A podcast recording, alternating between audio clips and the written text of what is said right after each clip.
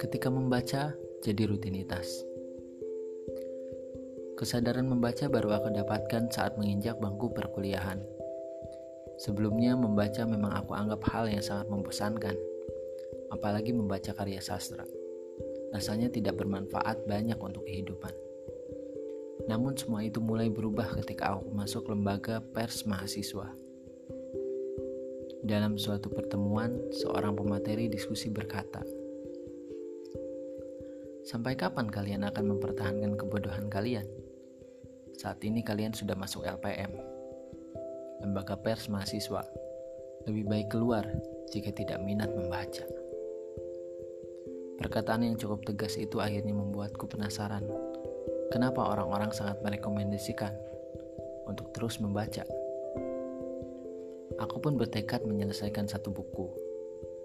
Waktu itu berjudul Bumi Manusia karya Pramudia Anantatur. Lembar demi lembar aku baca di awal membaca, aku harus menguras semangat karena terasa begitu membosankan. Namun setelah di pertengahan novel, aku mulai merasa penasaran terhadap akhir cerita tokoh Annelies dan Mingke.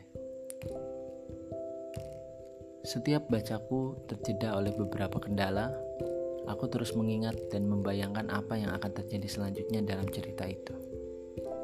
Sensasi itu membuatku kembali dan terus kembali membaca sampai akhirnya tiba di halaman terakhir.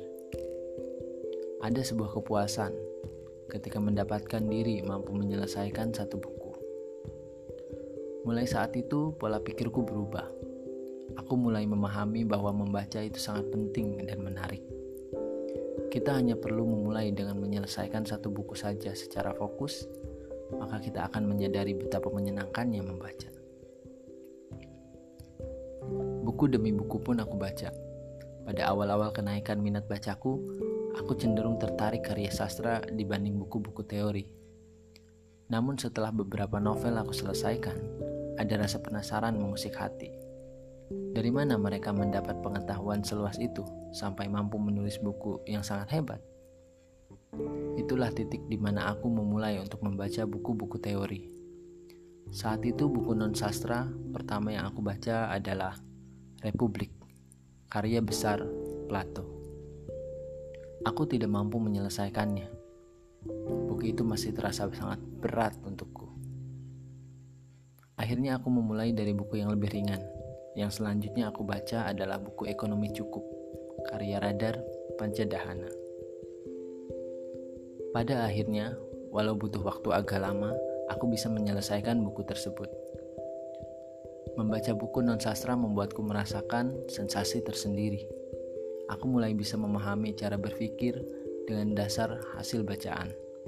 Aku bisa banyak berbagi dan berdiskusi dengan teman terkait sistem ekonomi yang ideal bagi Indonesia dengan menggambarkan pandangan dari radar Pancadahana. Sang penulis Pada akhirnya aku memahami bahwa membaca buku sastra ataupun non-sastra punya sensasi dan manfaat tersendiri. Mungkin belum aku sebutkan untuk buku sastra.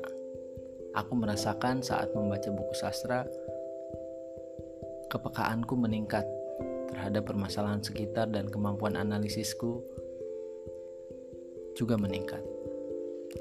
Tidak berhenti di situ, aku akhirnya memulai berpikir tentang konsepku dalam membaca buku. Apakah aku orang yang membaca buku hanya untuk mengisi waktu luang atau sudah memfasilitasi kebutuhanku? Aku mencoba lumayan lama merenungkan hal itu. Jangan-jangan selama ini aku membaca tidak ada hubungannya dengan perilaku, peranku di dunia. Hanya konsumsi pengetahuan yang tidak bisa diamalkan. Setelah pertanyaan itu mengusipku cukup lama, aku mulai membedakan membaca sebagai hobi dan membaca sebagai kebutuhan. Jenis membaca sebagai hobi adalah jenis yang paling banyak menurutku. Aku menemukan banyak kasus yang memang dibilang mendukung argumenku bahwa banyak orang yang membaca sebagai hobi. Orang-orang yang membaca karena hobi biasanya hanya menyukai satu genre buku. Misal novel fantasi, percintaan, bahkan komik. Bahkan aku pun menemukan temanku yang hanya suka membaca dari satu penulis saja. Ketika disodorkan buku lain yang bukan milik penulis, yang dia sukai tentunya, maka enggan untuk membacanya. Sebenarnya membaca karena hobi memang tidak buruk, masih ada manfaatnya, terutama masih bisa menambah wawasan kita dan daya analisis otak kita. Tapi membaca seharusnya tidak berhenti pada ranah kesukaan belaka. Itu akan menyebabkan kita hanya memiliki referensi satu sudut pandang. Sementara dunia ini sangat kompleks. Banyak aspek yang saling berhubungan satu sama lain yang harus kita pahami. Contohnya saja ketika kita mau membuka kedai kopi. Kita harus mengenal macam-macam kopi. Cara penyajiannya, bahkan sampai pada pembangunan karakter kedai kopi sesuai pasar. Kedai kopi cenderung dekat dengan orang-orang yang senang sastra dan diskusi santai. Maka, kita harus juga memahami karakter pasar. Bahkan kalau bisa, kita harus benar-benar memposisikan seperti pasar inginkan. Contoh itu menandakan bahwa setiap aspek kehidupan butuh keberagaman. Apalagi ketika kita menyentuh ranah sosial. Bahkan ranah matematika saja tidak berhenti di matematika. Justru harus dikembangkan ke ranah yang lebih luas seperti akuntansi, algoritma komputer, dan lain-lain yang mempengaruhi perkembangan zaman. Untuk itu, membaca hanya karena hobi bagus pada awalnya saja tapi harus ditingkatkan pada fase selanjutnya. Mulai di titik ini, manfaat membaca akan semakin dirasakan. Membaca sebagai kebutuhan akan membuat kita mulai menakar dan menyusun buku apa saja yang harus lebih awal kita baca sebelum buku yang lainnya. Aku contohkan pada pengalamanku saat aku di lembaga pers mahasiswa, aku merasa pengetahuan akan jurnalisme sangat dangkal. Mulai dari pemahaman tentang reportase sampai memahami dengan baik kode etik jurnalistik sangat aku butuhkan di awal aku aktif berorganisasi. Aku pun menyusun sebuah kurikulum baca. Walau hanya dalam ingatan, terfokus lebih pada buku yang aku butuhkan terlebih dahulu.